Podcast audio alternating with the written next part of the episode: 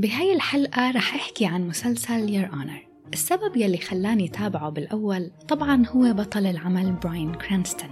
أكيد رح تابعه لأنه بريكنج باد هو أحد المسلسلات يلي ولدت بداخلي الحب لأعمال التلفزيون. وهذا الشيء كمان ولد بداخلي ثقة كبيرة باختيار براين كرانستون لأدواره وسعيدة لأني تابعت هيدا المسلسل بس ليس لجماله. بحب هيدا الأنواع من الأعمال لأنها فعلا بتعطيني فرصة جيدة إني أتبحر وأتعمق أكثر بالعوامل يلي بتجعل العمل عمل ناجح. في نقاط كتيرة وأفكار عديدة رح أطرحها بهي الحلقة وبتمنى إنه المستمعين يشاركوني آرائهم. يلا مع بعض لنحكي أكثر عن مسلسل Your Honor.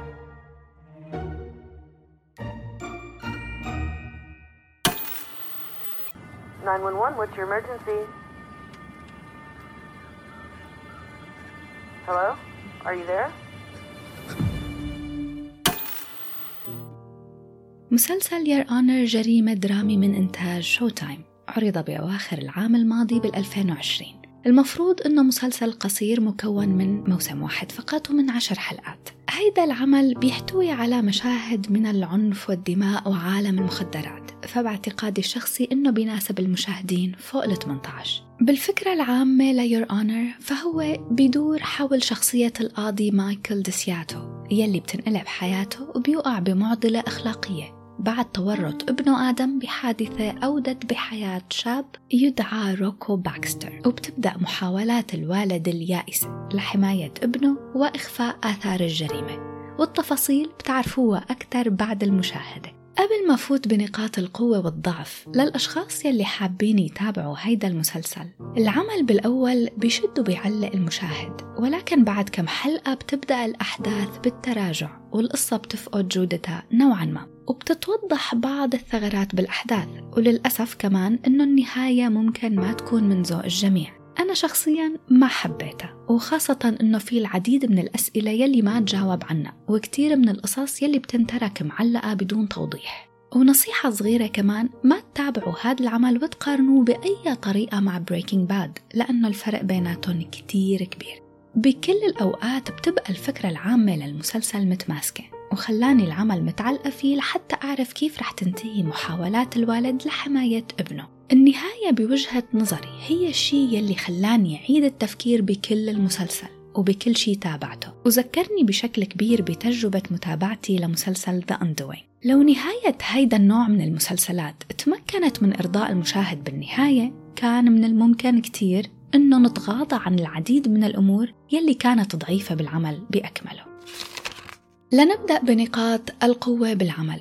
Your Honor ال potential تبعه. إمكانياته كانت عالية كتير. طبعا لوجود والتر وايت بالدور الرئيسي وكمان بسبب تصنيفه ونوع العمل نفسه يلي هو الجريمة والدراما صراع الخير والشر وقوف القانون بمواجهة المجرمين. موضوع كبير وتقيل ومهم من أرض الواقع. وبيزيده واقعية هو عنصر العائلة وشو ممكن يعملوا الوالدين لحماية أولادهم. ولأي درجة ممكن يضحوا لإبقاء العائلة متماسكة ومترابطة. بيبدأ المسلسل بداية قوية وبسرعة منفهم شو الفكرة. أول حلقة حلوة كتير ومن بدايتها بتفوت بسرعة بصلب الموضوع وهو الحادثة يلي أدت للجريمة. الفكرة الرئيسية بالمسلسل مشوقة وفعلا بتخلي المشاهد جالس ومهتم يعرف كيف النهاية وبتبقى هي العنصر الراكز يلي بيشد المتابع للآخر. بيزيد من قوة المسلسل براعة بعض الممثلين البعض وليس الكل هيدا شيء كتير مهم. على رأس قائمة البراعة بالتمثيل بيجي الدور الرئيسي القاضي مايكل داسياتو يلي بيقدمه الممثل المخضرم براين كرانستون يلي عرفناه من قبل بوالتر وايت بمسلسل بريكنج باد براين كرانستون قدم دوره بكل قوة وبيعرض على التلفزيون مهاراته كلها وبيخلينا ببعض اللقطات متعاطفين معه وكمان ممكن نحقد عليه. Don't tell anyone. Not ever. I can do this. I can keep you safe if no one ever hears about it. هلأ للتوضيح هون إنه أنا عم أذكر براعة التمثيل وليس قوة الشخصية أو أبعادها لأنه بكل تحفظ للشخصيات بهذا العمل كانت نوعا ما بتفقد عنصر العمق وأهم من العمق بتفقد الكثير من المصداقية وإلى جانب براين كرانستون في ممثلين كتير أبدعوا بتأدية أدوارهم ومن أهمهم مايكل ستولبرغ بدور رئيس عصابة إجرامية اسمه جيمي باكستر يلي هو والد روكو باكستر. ممثل محترف وأداؤه التمثيلي بيستحق التقدير. هلأ قبل ما فوت بنقاط الضعف حابة أحكي أكثر عن نقطة انتقاد المسلسلات ودرجة الانتقاد نفسها. ليش ممكن انتقد أعمال أكثر من أعمال تانية؟ بعرف أني حكيت عن مسلسلات تانية وما كنت قاسي عليها بهي الطريقة يلي رح كون فيها قاسي على هيدا المسلسل. يعني مثل مسلسل بريدجرتون أو حتى مسلسل الرعب يلي قدمته الأسبوع الماضي كينجدم أو مسلسل 112263 درجة الانتقاد بتعتمد بشكل كبير على العمل نفسه لأنه المسلسل نفسه هو يلي بيحدد درجة الجدية تبعه ودرجة الانتقاد يلي بيستحقها لفسر هيدا الموضوع أكثر في بعض الأعمال بتكون خفيفة وسهلة وخيالية وخلال متابعتها بتاخدنا لعالم تاني يعني لعالم بعيد عن الواقع. فمنتابعها للتسلية ولتغيير ال mood ولحتى نعيش لحظات مختلفة عن واقع الحياة. وبيجي بالجانب الآخر الأعمال الثقيلة الدرامية المؤثرة المحملة بعناصر الغموض والجريمة والعلاقات العائلية والتضحيات. وهون بحب عيد فكرة إنه كتير مهم إنه المسلسل من البداية يوضح للمشاهد شو نوعه ومن المهم كمان إنه المشاهد يفهم شو رح يتابع. هاي النقطة ذكرتها بحلقة Behind Her Eyes لأنه بالأول كنا مفكرين إنه المسلسل عبارة عن علاقة زوج وزوجته وعلاقة الخيانة يلي فيها تشويق وإثارة وغموض. وبعدين فقد 50% من مصداقيته لأنه بآخرته توضح لنا إنه في عنصر خيالي. هيدا النوع من الأعمال غير إنها عم تاخد من وقتنا بتكون كمان بهذا الوقت عم تستنزف الكثير من تفكيرنا أو الكثير من مشاعرنا حتى. فبكون الشخص جالس وكل تركيزه متوجه على المسلسل وكل ما كان المسلسل درامي أكثر وقصته فيها تقل أكثر وبتشبه واقع الحياة بشكل أكبر كل ما زاد بداخلنا تعلقنا فيه ومنعطيه اهتمام أكبر. ولهذا السبب بكون أنا شخصيا قاسية بالتعليق على هيدا النوع من الأعمال. بحالة مسلسلنا لهي الحلقة. Your Honor ما في ولا لقطة أو لمحة بالأحداث بتعطينا انطباع إنه هو لطيف أو خفيف. كل مشهد فيه مظلم وتقيل وما فينا نتابعه وعقلنا ومشاعرنا تكون أخذ break وكمان ما في أي شخصية بالمسلسل بأكمله بتخفف من سوداوية المواقف. يعني ما كان بينفع مسلسل بدأ بداية دموية وتقيلة بهي الطريقة. ما كان بينفع أبدا إنه يكون فيه أخطاء. وكان لازم على كل الممثلين إنهم يتقنوا أدوارهم بدون أي تخاذل. وكان لازم كمان إنه كل حوار بدور بين الشخصيات وكل حبكة بالقصة والسيناريو تكون كلها بتخدم الطابع الرئيسي يلي هو العمق الدرامي. باعتقادي الشخصي إنه لم يتمكن من حبك القصة بشكل بيناسب الطابع العام ولم يعمل بالذكاء المطلوب ليتماشى مع البداية الأليمة السوداوية يلي بدأ فيها بالأول. فبحب عيد هون صحيح أنه المسلسل خلاني تابعه للآخر إلا أنه في وجود لمجموعة من العناصر عملت على إبراز وتوضيح عوامل الضعف بالمسلسل. ورح أختصرهم بثلاث عناصر. أول عنصر هو أنه القصة نفسها بتحمل معضلة أخلاقية كبيرة. خلتني أفكر وأتعمق بالتفاصيل أكثر. العنصر الثاني هو براين كرانستون. رجع أخذ دور بيدخل فيه بنفس المعضلة الأخلاقية تبع والتر وايت فما قدرت أني ما قارن بين الدورين. وآخر عنصر هو النهاية الضعيفة يلي كانت مبنية على مجموعة صدف غير محبوكة وتصرفات غبية غير منطقية. هاي هي العناصر يلي خلتني شوف أكثر وأكثر نقاط الضعف بهذا العمل. طيب هلأ خليني أحكي عن نقاط الضعف الفعلية وليس النظرية. أول نقطة ضعف هي شخصية الابن وكل شيء بيتعلق بالابن تمثيله والشخصية وأفعاله وتصرفاته وكل شيء بيعمله. كل الأحداث المأساوية والمشاكل كلها اعتمدت بشكل كبير على غباء آدم. كل أحداث المسلسل كانت عم تتحرك من مصيبة إلى مصيبة أكبر منها بسبب تصرفات الابن يلي ما فيها تفكير. المشكلة بهذا الموضوع ما بيكمن بس بإنه آدم قليل حيلة وتصرفاته غير مدروسة. لا المشكلة الحقيقية يلي صارت هو إنه نحن كمشاهدين ما عدنا مهتمين إذا بتنكشف الحقيقة ولا لا لأنه الوالد يلي هو القاضي عم بيضيع حياته ومهنته بأكملها بسبيل حماية ابنه. ونحن كمشاهدين كنا جالسين على أعصابنا وخايفين عليه وهو ولا على باله. وهون أنا كمتابعة فقدت أهم عنصر وهو الاهتمام بمصير الشخصية. في كتير أشياء ما عجبتني بتصرفات آدم وللأشخاص يلي تابعوا المسلسل بآخر هي الحلقة رح أحكي عن شوية أمثلة استفزتني ورح يكون فيها سبويلرز نقطة الضعف الثانية هي بناء الشخصيات والحوارات يلي كانت عم تدور بيناتهم. الحوارات ما إلها معنى وما بتعطي الحدث أي أبعاد أو عمق. يعني حدث ولا حرج. ممكن ذكر هيدا النوع من نقاط الضعف ما يحسس المستمع بالمشكلة بس صدقوني مشكلة كتير كبيرة. لأنه الحوارات هي العامل الرئيسي يلي بتزود المشاهد بالمعلومات عن القصة وكيف ممكن تتطور عن الشخصية نفسها وكيف بتفكر وشو رح تتصرف وشو نوع العلاقة بين الشخصيات نفسهم والمود وإلى آخره من هي العناصر. يعني حتى الحوارات بين الأب وابنه كانت غريبة علاقتهم ما قدرت أفهمها ما كانت واضحة شو طبيعتها. وهذا الشيء ما بينفع لأنه هذا النوع من المسلسلات بيعتمد بشكل كبير على قديش نحن خايفين على مصير أبطالنا. للأسف أنا كمتابعة ما قدرت أني أشعر أو حس أي شيء لأي من الشخصيات.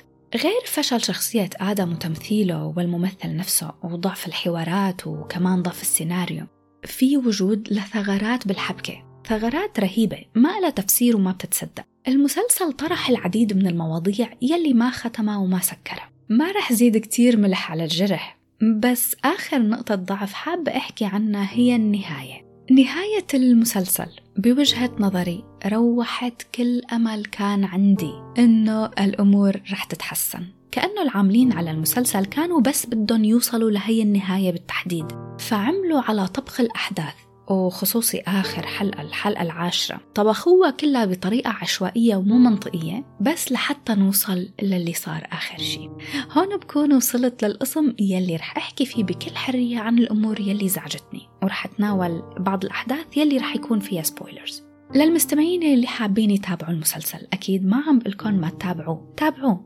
وعطوني رأيكم فيه. هلأ للأشخاص يلي شاهدوا المسلسل للآخر spoiler alert بلشنا. ما رح كتير فوت بتفاصيل القصة هون بس من المواقف يلي كتير استفزتني وخاصة بعد ما انتهى المسلسل ومثل ما ذكرت سابقا بسبب نهايته رجعت فكرت بالأمور كلها يلي ما كان منها فايدة وما أدت لأي نتيجة حتى ما نتج عنا أي فايدة للفكرة الرئيسية بالمسلسل بأكمله. بالحلقة التاسعة لما فيها أخت روكو باكستر يلي صارت حبيبة آدم طبعا غير أنه هذا الموضوع كله مو ظابط. وحسيت إنه هي الحبكة انعملت بس لحتى يحركوا أحداث المسلسل بالطريقة يلي هن كانوا مخططين له من الأول. بعد ما والد فيها بيطلب منا إنه بده يقابل حبيبة آدم. بتنتهي الحلقة على أساس إنه آدم خرج من منزله ليقابلهم. يعني ال suspense بهذا الموضوع كان كتير عالي. انتهت الحلقة التاسعة بهيدا ال level من ال suspense. بدأت الحلقة العاشرة وافتتحوها بأنه آدم قاعد على ضفة نهر.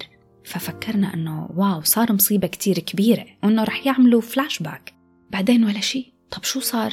ما جابوا سيرة الموضوع أبدا لا انتقلوا لفكرة تانية استفزتني يلي هي فكرة أنه أمه لآدم كانت عم تخون أبوه قبل ما تنقتل طيب بما أنه ذكرت موضوع الخيانة شو كان فايدة هذا الموضوع من أساسه؟ شو المغزى منه؟ ليش ذكروه؟ ليش جابوه؟ ما كان منه فايدة أبدا كمان موضوع تاني ما كان منه فايدة علاقة آدم بمدرسته طيب أوكي. بعد ما آدم اعترف لمدرسته بموضوع الجريمة وخبرها كل شيء وبعدين فجأة قرر إنه هو بده يروح يحب أخته لروكو الضحية زودوا لنا شوية suspense إنه المدرسة انزعجت وممكن كانت تقول الحقيقة لشي شخص. وأنا فكرت إنه هي رح تروح لعند والد روكو يعني رح تروح لعند جيمي باكستر وتقول له بس انتهى الموضوع هون وخلص. طيب موضوع تاني. شو صار بالصور يلي آدم كان عم ياخدها لموقع الجريمة؟ يعني في نص حلقة كانت وهو آدم قاعد عم بلف حوالين الجريمة وعم ياخد صور. طيب شو صار بالسيارة يلي شافت آدم عم بياخد صور لموقع الجريمة؟ كمان ولا شي. طيب ما مشكلة. هلأ خلينا نحكي عن مواضيع أخرى تانية كمان استفزتني. خلال مرافعة القضية تبع كارلو باكستر بآخر كم حلقة محامي وكارلو عملوا مع بعض على حبك عملية الاستجواب وكل الاستجواب تبع كارلو كان بيتعلق بفكرة إذا باب السجن تبعه كان مسكر أو مفتوح. إنه معقول! المحامي ما شاف الفيديو تبع الكاميرا وانتبه إنه باب السجن كان مفتوح؟ غريب. طيب كمان كيف كل هاي الأشخاص يلي مفروض أنه عندهم نسبة ذكية نسبة عالية من الذكاء؟ المفروض ما قدروا يعرفوا أنه القاضي مو هو يلي ما عم يستخدم ال inhaler؟ أو إنه القاضي يلي عنده سيارة BMW ما هو اللي كان عم بيسوق سيارة مرته القديمة؟ طيب ما مشكلة. موضوع تاني كمان كتير مهم هو إنه كيف القاضي هيدا القاضي نفسه مايكل ديسياتو كيف عم بيرافع بقضية؟ سيارته هي يلي تسببت بقتل الضحية وهي اللي كانت مسروقة. وما بعتقد أنه هذا الموضوع أصلا مسموح يعني ما المفروض هو كان يكون القاضي من الأول. طيب إذا بدي أحكي عن النهاية أنا حسيت أنه النهاية كانت عبارة عن درس بموضوع لعنة الكارما خاصة موضوع طابة البيسبول يلي ضلوا عم يظهروها لنا بكل حلقة تقريبا. لحتى آخر شي آخر حلقة بتاخد المحامية لي مبلغ المال يلي حصلت عليه من ورا بيع هي طابة البيسبول. تاخد المال ولأنه بتكون مزعوجة من مايكل ومتضايقة كيف انتهت المحاكمة بتعطي هيدا المال للولد يوجين. وبعدين بيروح يوجين وبيشتري سلاح بهيدا المال تبع طابة البيسبول ليقتل فيه جيمي باكستر. وبالخطأ بيطلق النار على آدم. يعني كتير صدف لعنة كارما. هاي الصدف حلوة ومسلية ومضحكة نوعا ما إذا كانت أعمال telenovela أو soap operas مثل Jane the Virgin و Desperate Housewives. أنا حسيت إنه مسلسل Your Honor كان عم بيحاول يكون مثل مسلسل فارغو واحد من مسلسلاتي المفضلة تبع إنه كل ما يحاولوا يخبوا الجريمة أكثر كل ما بيعلقوا حالهم بالجريمة أكثر وبصير في دلائل أكبر لازم يخبوها. بس فارغو كان من النوع تبع الكوميديا السوداء والذكاء. طبعا هذا الشيء أنا ما شفته بمسلسل Your Honor Your Honor ما تمكن أبدا من أنه يكون رائع وللأسف وقع بأخطاء فادحة بوجهة نظري ما تمكن من خلالها إرضاء المشاهدين. شكرا لكل الأشخاص يلي استمعوا لهي الحلقة. بعرف أني انتقدت مسلسل Your Honor بشكل كبير بس هيدا حلاوة هيدا النوع من الأعمال. بتعطيني فرصة إني فسر كيف الأعمال التلفزيونية ممكن تكون أعمال ناجحة. Your Honor حاصل على تقييم 7.7 على IMDb و51% على Rotten Tomatoes شكرا لكل يلي رافقوني بهي الحلقة. قدمت لكم مسلسل Your Honor وبشوفكن بمسلسل جديد وحلقة جديدة. bye bye